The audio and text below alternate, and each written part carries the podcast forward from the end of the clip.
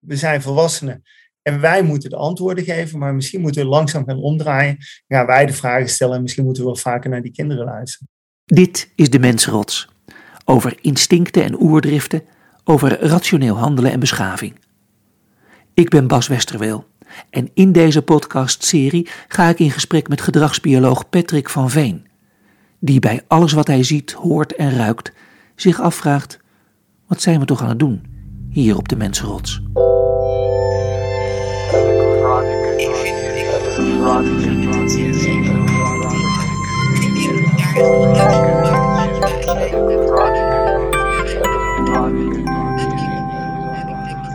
Ja, we hadden nog eentje te goed hè, van de vorige keer. Je was geëindigd met een cliffhanger.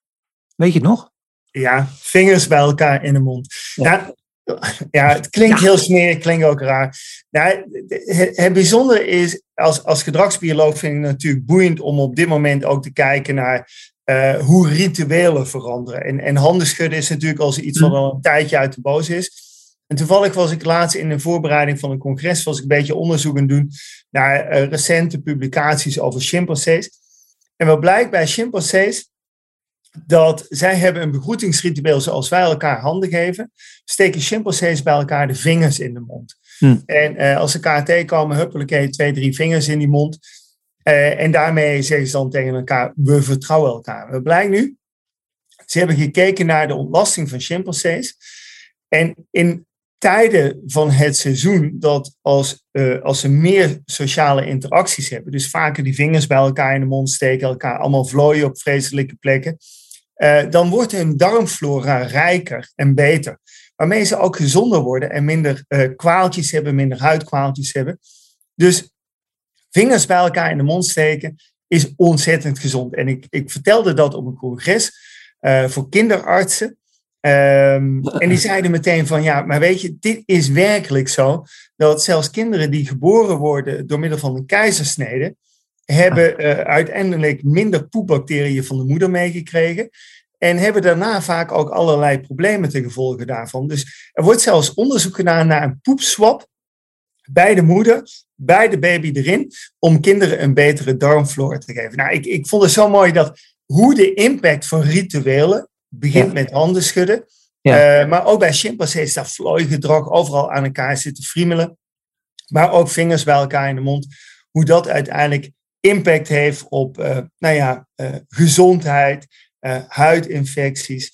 En dat is zoiets waar we bijna niet stil bij staan. We zijn nu heel bang voor een virus. Hmm. wat denk ik ook wel deels terecht is. Maar aan de andere kant, wat gaat de impact zijn van al die schone handjes in de toekomst? Ja, nou ja, goed. Het, uh, uh, mooi, dankjewel. Uh, brengt, in gedachten ben ik al allerlei paden aan het bewandelen, zoals je van me kent. En ik, ik, er zijn een paar dingen die ik me graag met je zou willen overleggen. Het zijn er eigenlijk twee. De ene heeft heel erg te maken, en misschien heeft het ook wel te maken met uiteindelijk weer met elkaar. De ene heeft heel erg te maken met nieuwsgierigheid.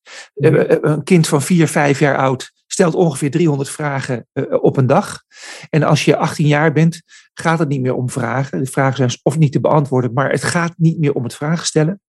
Maar het gaat veel meer over de antwoorden. Antwoorden worden op een gegeven moment beloond, zeg maar. En het heeft impact op onze wereld. Dat is één hoofdstuk wat ik graag met je zou willen behandelen. En misschien niet vandaag, dan de volgende keer wel. En wat ik ook een heel interessant onderwerp vind, en dat bekropen. En dat is misschien wel even wat urgenter, I don't know, maar het heeft heel erg met mezelf te maken ook. Um, ik merk dat er een soort angst in mij uh, op aan het komen is. Een beetje angst voor de wereld die dichter naar ons toe lijkt te kruipen. Die een beetje onheilspel, uh, onheilspellend is. Een beetje niet zorgeloos. niet meer als vanzelfsprekend. En het ja. lijkt een beetje als kruiend ijs richting ons te komen. En, en ik begrijp heus wel dat het voor een deel te maken heeft met dat ik veel waarneem. En veel zie. En, ehm, en, en tegelijkertijd is het ook zo.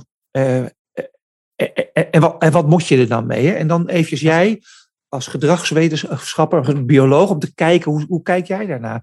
Wat kunnen we dan leren van bijvoorbeeld het gedrag van apen, in, in dit geval over angst pratend? Ja. Nou, angst is, ja, angst is een hele rare emotie, want angst is een emotie. dus angst doet iets met je. Er, op het moment als jij iets waarneemt of iets ervaart waardoor je bang wordt, ehm, dan gaan er allerlei hormonen door je lijf stromen. Hmm. En dat is heel functioneel. Ja. Want die angst die heeft twee boodschappen. En de eerste is een interne boodschap. En dat is een boodschap intern in jouw lichaam die zegt van joh, ehm, hier klopt iets niet.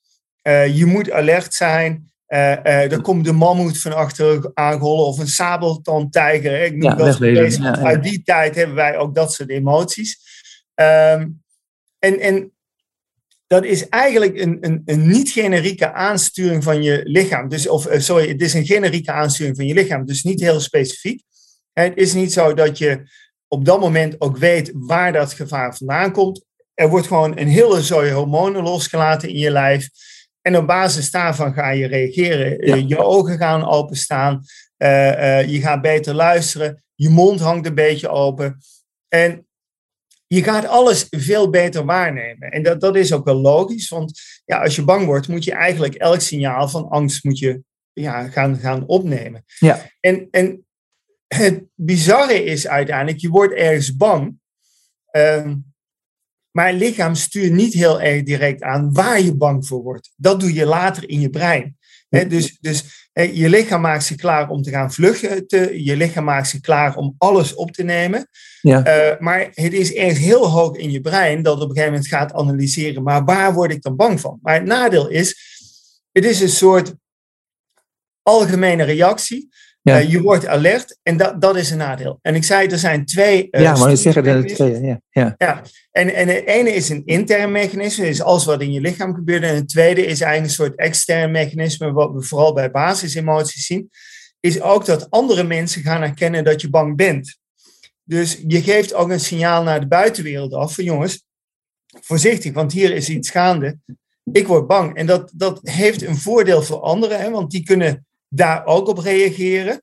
Uh, dus angst kan ook besmettelijk zijn. Hè? Dus als er twee, drie mensen bang zijn, ja, dan is er ook een soort emotie die zich verspreidt in de groep. Dat is ook letterlijk de functie.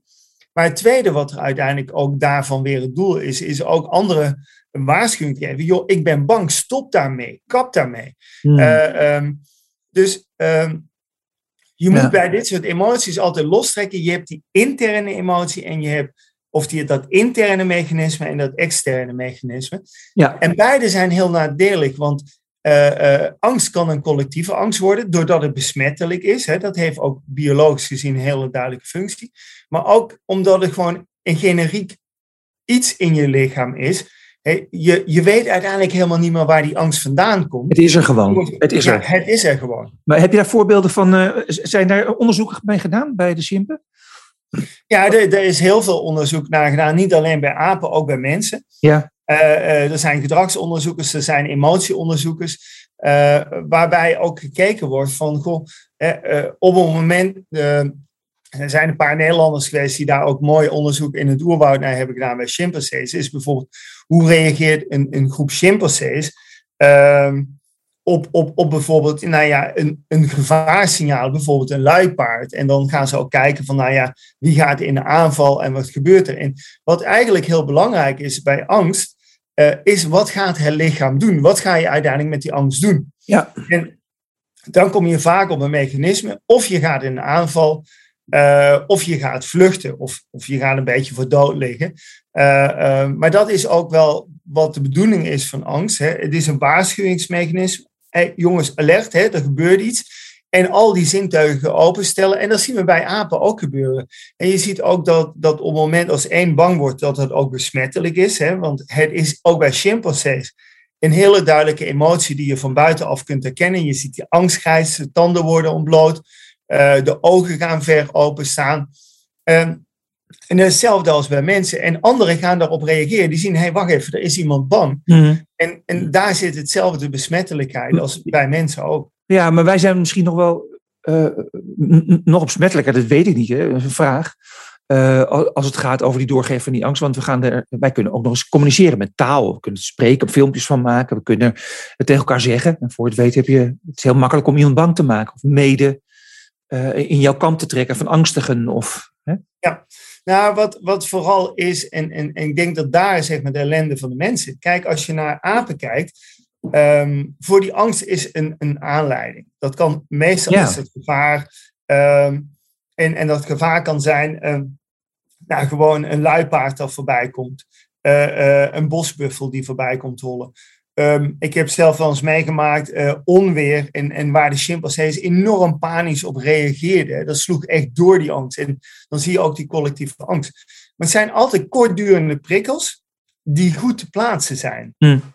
En wat bij mensen is, is ja, wij zijn op een gegeven moment bang geworden, waarbij ook vaak de prikkel van de angst eigenlijk niet meer goed te herleiden is. En ik denk dat dat vooral zeg maar vaak bij mensen ook de grote ellende is geworden, dat ja, die prikkel, die, die, ja, wat, wat maakt mij bang? En omdat het Mm. ook iets generieks is, hè, dus het is ook niet dat, dat jouw lichaam zegt, oh, ik word bang, want het is een luipaard. Oh, ik word bang, want er staat een hele grote boze kerel voor mijn neus. Nee, dat lichaam zegt gewoon bang.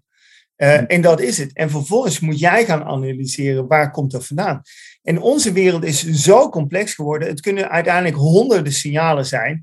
Ehm, niet alleen wat we fysiek zien, maar ook wat bijvoorbeeld op social media gebeurt, wat Ja. dan dat gevoel veroorzaakt. Ja, maar is het dan ook eh, zo, eigenlijk koppelen dan toch de twee onderwerpen aan elkaar. Want we hebben het over nieuwsgierigheid aan de andere kant. Eh, misschien ook wel goed om toch altijd maar dan vragen te blijven stellen. Ook al over je eigen angst. Of wat voel ik nou en klopt het allemaal wel? Eh, eh, klopt het dat die ander bang is? En mag, ik- eh, eh, zal ik met hem meedenken of met haar meedenken? Eh, want Ja. misschien kunnen we samen wat minder bang zijn. Weet je wel? Dus eh, het simpelweg vragen stellen of het niet weten, het on- de onwetendheid maar steeds om, omarmen. Zou dat een. Ja, je raakt eigenlijk een, een heel breed interessant thema aan. Hè? Is, is natuurlijk ook van eh, hoe worden onze emoties gevormd? En, en ontstaan emoties door een leerproces? Hè? Eh, eh, ontstaan emoties omdat we als kind hebben geleerd, daar moet je bang voor zijn. Hè? Dus, het is Ja. letterlijk ook dat kinderen worden gewaarschuwd, oh, dit is eng. Ja. En wat je ook vaak ziet, is dat kinderen eh, angsten van ouders kopiëren. Ja. En letterlijk als pa en ma bang zijn voor spinnen, ja, dan worden de kinderen ook uiteindelijk wel bang voor Ja, spinnen. ik, ik ken, ik ken een, eh, eh, eh, iemand die, die zo bang is voor onweer, omdat haar moeder ook zo bang was voor onweer. Ja. Die gaat letterlijk onder de trap zitten als er onweer is. Dat is echt een soort koekoek. Maar ja, dat, dat soort angsten nee, bestaan. maar- Ja, maar zeg maar, angsten zijn en emoties zijn niet altijd rationeel. Hè? Dus, dus het is Ja. niet zo. Nee. Het, het is een hormonaal gestuurd proces. Ja. En uiteindelijk moet het verstand gaan onderzoeken van ja, hoe, hoe bedreigend is die situatie. Alleen zijn we daar vaak dan nog niet meer toe in staat, omdat uiteindelijk, baf, die hormonen worden gewoon je lichaam ingeknald. Eh, eh, en dan moet je nog eens helder gaan nadenken. En wat, wat natuurlijk de ellende is, is dat wij leven in een wereld die zo ontzettend snel in ontwikkeling is. Ehm, kijk, als je 100 jaar teruggaat in de geschiedenis of 200 jaar, angsten die kinderen leerden op basis van ervaring van ouders, op basis van die nieuwsgierige vragen. ehm, ja, dat waren oftewel reële angsten, of dat waren gewoon angsten die Ja. aanwezig waren. Wij, wij leven in een wereld die vandaag de dag totaal anders is als de wereld van onze ouders. Eh, die, die onze wereld, zeg maar, is de laatste twintig jaar enorm veranderd. En, en dat betekent dus ook dat wij voortdurend dat proces door moeten gaan van onderzoeken, vragen stellen, nieuwsgierig zijn, de realiteit onderzoeken. En eh, ja, daar, daarvan zie je een heleboel dingen voorbij komen waarvan wij eigenlijk geen flauw idee meer hebben hoe reëel zijn dingen Ja, we daar ook geen tijd, of ja, eigenlijk die nieuwsgierigheid ook niet hebben, maar ook de tijd er niet voor. maar wat heeft dat dan voor gevolg? Als je inderdaad over die realiteit gesproken die je dan gaat bevragen. Je kunt het bijna niet meer in kaart brengen. Het is zo complex geworden. De, de ene vraag eh, stellen opent weer een deur naar een hele andere vraag en naar een heel andere complexe situatie. Nou ja, kijk, wat, wat, wat ik merk in mijn dagelijks werk, heel veel mensen geven aan dat ze op hun werk zich onveilig voelen of dat ze zich op hun werk eh, bedreigd voelen. En de grote vraag is natuurlijk van, ja, maar hoe reëel is dat? Hè? Wat gebeurt er? En dan heb ik het helemaal niet over mensen die letterlijk fysiek bedreigd worden of zo, of, of, of eh, mensen die, die via internet, het is gewoon dat mensen zich niet meer veilig voelen. En je zou bijna kunnen stellen, die term veiligheid, is, ja, die wordt langzaam gedevalueerd. We worden steeds banger in deze wereld. En ja. dat heeft ermee te maken dat eigenlijk er zoveel dingen komen. Onze wereld is niet meer controleerbaar voor dat, dat, ja, dat, dat kleine brein wat wij hebben. Hm. En, en vooral ook niet voor dat oerbrein, want dat oerbrein, dat is vooral verantwoordelijk voor die angstimpuls. En um, kijk, als wij nog, uh, net zoals chimpansees, zouden leven in een groep van maximaal 50, 60 individuen. Of als je naar oervolken kijkt, hè, die leven in clanvormen of in, in, in, kleine communities met maximaal 150, 200 individuen. Dan is alles te overzien. En je kunt ook die buitenwereld overzien. Je weet wat zijn de reële bedreigingen. Wij leven vandaag de dag in werelden waar, waar heel veel anonimiteit is. Die wereld is bijna onbeperkt geworden. En nou ja, een, een voorbeeld wat mij altijd wel fascineert, is dat mensen, nou ja, bekende mensen of mensen die hm. zich ergens kop uh, boven de maaiveld uitsteken, die dan zeggen, ja, ik word bedreigd. En dat zijn de bedreigingen op social media. En, en het fascinerende is, niemand weet eigenlijk hoe realistisch die bedreigingen zijn. ik kan gewoon op social media, kan ik wijze van spreken een doodsbedreiging uitsturen. Ja. Uh, ja. Niet dat ik die intentie ooit heb gehad, maar, maar ik zou het technisch kunnen. Uh, maar, maar zonder dat ik überhaupt ooit een afweging zou hebben om iemand letterlijk uh, te vermoorden. Maar ja, dat gebeurt aan, aan, aan de lopende band vandaag de dag. Er worden allerlei ziektes toegewenst op social media.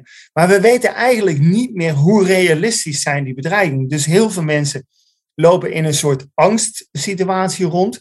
Um, Terwijl we niet weten hoe realistisch dat is eigenlijk. Ja, ja. en dat is, wij, wij leven met name door die virtuele wereld, maar, ja, hebben wij eigenlijk geen bewustzijn meer van ja, wat gebeurt er? En het bizarre is, ons lichaam, dat oerlichaam, dat reageert net zo intens op letterlijk uh, een tijger die voor je neus staat of een bosolifant die komt aanstormen. Die reageert op exact diezelfde manier als, als ja, een of andere bedreiging op social media ja. in lijn. En, en dat lichaam is daar niet selectief in. Dat lichaam is niet zo, oeh, dit is genuanceerd. Nee, het lichaam zegt angst, bang. Uh, nu moet je alert zijn. Dus eigenlijk, uh, zeg maar, social media als bosolifant, schets je nu een beetje. Nou ja, het, het, het, het nadeel is, wij, ons, ons lichaam snapt het verschil niet. Hè? Ons lichaam is nooit gebouwd. Oké, maar nee, dat, dat, begrijp ik, dat stuk. Maar wat kun je dan doen? Hè? Wat, wat is dan... Uh, wat, wat, eigenlijk wil je dan ik, als ik naar je luister nu, hè, dan denk ik, ja, daar heb, je hebt gelijk. Dat voelt als gelijk. Of je zegt iets wat waar is. Of waar ik een herkenning op heb. Of in een soort oorvorm van wie ik denk dat ik ben als mens. Dus het wegleggen van al het spul. Niet naar social media kijken. Of niet te veel je laten eh, meevoeren door taal van een ander. Of door allerlei angstige uh, wereldbeelden. Of noem het allemaal maar op. Uh, dat, dat zou dus betekenen eigenlijk dat je gewoon weer een nieuwe, opnieuw sociaal.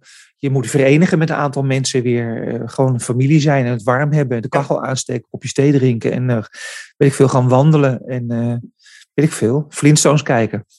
Nou, wat, wat, wat natuurlijk. Ehm, nou, je, je, je stelt aan het begin een vraag: hoe zit het met nieuwsgierigheid? Hoe zit het uiteindelijk met kinderen die wel nog vragen stellen en volwassenen die stoppen met vragen stellen?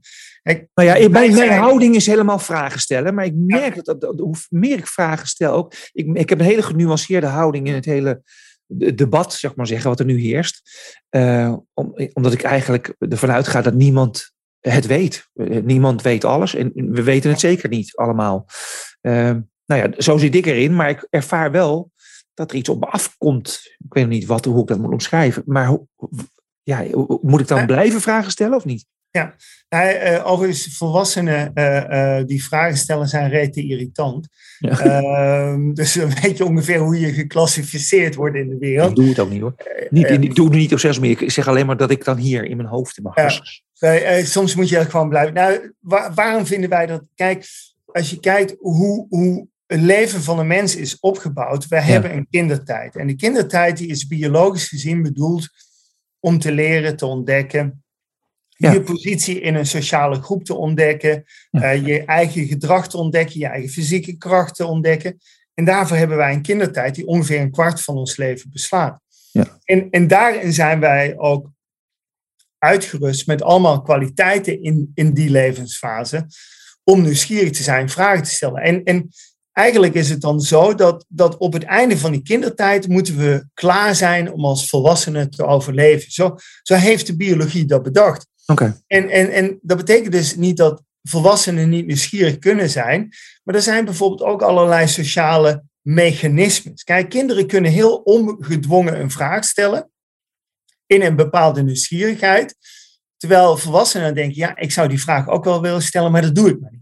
Eh, ik vind het ook leuk als je op congressen bent en zeggen mensen, ja, domme vragen bestaan niet. Natuurlijk bestaan domme vragen, uh, uh, maar dat, eigenlijk, we roepen dat al om, om mensen maar vooral aan te moedigen vragen te stellen. Want, en dan, ik weet niet of je dat zelf wel eens hebt gehad, dan heb je een vraag op je lippen liggen en denk je, ja, ik stel me niet. Ja. En vervolgens stelt iemand die vraag en dan zegt de spreker, zegt, oh, dat is een hele slimme en goede vraag. En denk je, ja, waarom heb ik die niet gesteld? Ja. Maar, die sociale druk is ook aanwezig om als volwassenen eigenlijk geen vraag meer te stellen, omdat wij, ja, biologisch moeten wij klaar zijn. Alleen het vervelende is, wij zijn toegerust met een soort mechanisme. We Ja. hebben die kindertijd gedefinieerd, dan worden we volwassen en dan worden we geacht dingen wel en niet te doen. Alleen, er is natuurlijk nooit rekening mee gehouden dat in een mensenleven de wereld zo snel verandert, dat we af en toe weer kind moeten zijn, dat we af en toe weer puber Hmm. moeten zijn. Mooi. En die Ja. wereld eigenlijk ook voor Ja. onszelf weer moeten gaan herontdekken. Ja, en, en dat mechanisme is ons niet meegegeven. Eigenlijk zouden wij in een wereld die zo snel verandert, zouden wij elke tien jaar weer even terug kind Hm. moeten zijn. En moeten ontdekken, ja, maar hoe werkt het dan? En hoe zit het? En waarom doen we dit? En, en die honderd vragen stellen aan de buitenwereld in de hoop te ontdekken hoe die wereld functioneert. En Mooi. dat is natuurlijk wel uniek in deze tijd. Ja. Dat Wel een wij mooi idee. Ja, in een wereld leven die zo snel verandert, dat we eigenlijk weer veel vaker kind moeten zijn. Ja, wat mooi. Ja, dus, eh, en trouwens, eh, vingers in de mond is natuurlijk ook een op, eh, opvoedingsding. Dat leer je ook van je ouders natuurlijk. Hè? Ja. Ook biologisch gezien. Hey, maar oké, hoe gaan we dit nou toepassen? Hoe gaan we dit eventjes bij elkaar brengen en kijken? We gaan nu een week verder. We gaan elkaar volgende week weer ergens spreken. Ja. Ehm, wat zou je me adviseren als ik nou... Ik zei een beetje als opmaatje dat ik dan bang ben. Dat is maar ten dele zo, omdat ik eh, eh, best met mijn vragen en mijn kinderlijke houding ten opzichte, of mijn kinderlijke manier van vragen stellen, veel kijken op de wereld, best een end kom. Eh, eh, eh, toch eh, is het wel spannend. Wat kan ik nou bijdragen aan. eh, moet ik juist stil zijn in de conversatie? Moet ik wel of niet vragen gaan stellen? Wat, wat zou je me adviseren? Ja, eigenlijk de, de conclusie die we net hadden. Kijk, wij moeten weer vragen gaan stellen. Ehm, en, en wat je ook merkt, hè, is dat. Ik vind het ook mooi als je politici observeert in deze tijd, of wetenschappers observeert. Ze zijn continu antwoorden aan het geven. Ja, maar dat komt. Maar dat is wat, wat ik net in het begin ook zei. Van, weet je, antwoorden worden beloond ook. Hè? We hebben een structuur van leven gemaakt. Waarin het gaat over de Als je goede antwoorden geeft, krijg je een 9. Zou ik maar zeggen. Ja. En dan ga je door, krijg je een diploma. En daarin worden al die mensen die, die iets betekenen en achter de microfoon staan en beslissingen nemen, die, die, die, die zijn dat ook. Weet je, die Ja. zijn dat gewend. Nou ja, en, en eigenlijk, zeg maar, als wetenschapper word je Ja. eigenlijk opgeleid om vragen te stellen. Ja, dat, dat wou net zeggen. In de wetenschap zelf is een vraagstellende omgeving. Dat kan Ja. niet anders. En, en wat je ziet, hè, is dat de wetenschap Ja. letterlijk de laatste jaren veranderd is naar een antwoordgevende Ja. omgeving. Ja, En, en politici mogen antwoorden geven. Wetenschappers moeten vragen stellen. En, en dat is een mismatch. Wat wij natuurlijk als individu kunnen doen, ja, is dat eh, we zeiden er is angst. En we Ja. leven in een wereld waarin we een heleboel signalen. En toen zei ik van, nou ja, maar realiseer je, je angst betekent eigenlijk niks anders dan dat jouw lichaam zegt van, joh, Ja. wat gebeurt er in die buitenwereld? Hè? Je moet gaan onderzoeken, je moet om je heen gaan kijken, mond opensperren, geuren opsnuiven. Je Mhm. moet, je moet registreren wat gebeurt. En dan ga je met je brein analyseren, waar, waar komt die angst uiteindelijk vandaan? ja. En, en een nadeel is, we zijn de fase voorbij dat we niet meer analyseren waar komt die angst vandaan. En we laten de angst gebeuren, maar we gaan niet meer die analyse in. En voor die analyse moeten we eigenlijk vragen stellen. Voor die analyse moeten we weer met een soort eh, puberale kinderheid letterlijk de vraag stellen: ja, maar waarom moet ik dan bang zijn voor die spin? Want die spin is toch veel kleiner dan dat ik ben. Is het wel realistisch dat ik bang ben voor die spin? Of, of het onweer. Ja, maar het onweer is op kilometers ver weg. Hè. Vroeger leerden we tellen en dan wisten we, oh, het onweer dat is nu drie, vier kilometer ver weg. En eigenlijk de vraag stellen, ja, maar moet ik eigenlijk wel echt bang zijn voor dat onweer? En, en, en dat is de enige manier waarop we ook met angst kunnen omgaan. Letterlijk die kinderlijke nieuwsgierigheid hebben om te onderzoeken. Ik weet niet, heb jij vroeger wel eens gedaan dat je, dat je langs een strikdraad liep? en hing er een bordje op, ja, oppassen strikdraad. Ja. En dat je als kind denkt, mm, ik weet het nog niet. En dan dat je toch een keer gaat uitproberen. Ja, dat, dat deed toch pijn. Um, en, en, en, en dat onderzoekende, hè, van, van niet alleen maar voor waar aannemen dat die schrikdraad pijn doet, maar letterlijk ook zelf dat willen onderzoeken. En dat, dat is iets, we zijn dat gaan wegstoppen en ik snap waarom. Omdat, ja, we zijn volwassenen en wij moeten de antwoorden geven, maar misschien moeten we langzaam gaan omdraaien. Ja, wij de vragen stellen en misschien moeten we wel vaker naar die kinderen luisteren. Oké, nou de laatste vraag dan. Waarom spreken we volgende week af? Nou, volgens mij, als ik kijk waarom er zoveel gebeurt in ons heen. Er zijn nog zoveel vragen die wij moeten stellen. En, en probeer ik af en toe wat te beantwoorden. Maar misschien komen we samen alleen maar uit dat we nog veel meer vragen hebben samen. Dus gaan we daar eigenlijk eens elke volgende week over verder. Tot de mensrots. Tot volgende week. Bye bye. Bye.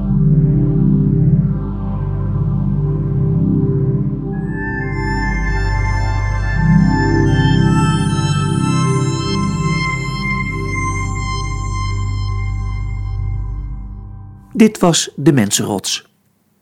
Abonneer je nu op deze podcast via Spotify, iTunes of jouw favoriete podcastplatform en ontvang elke week een nieuwe aflevering vol vergezichten en hersenspinsels.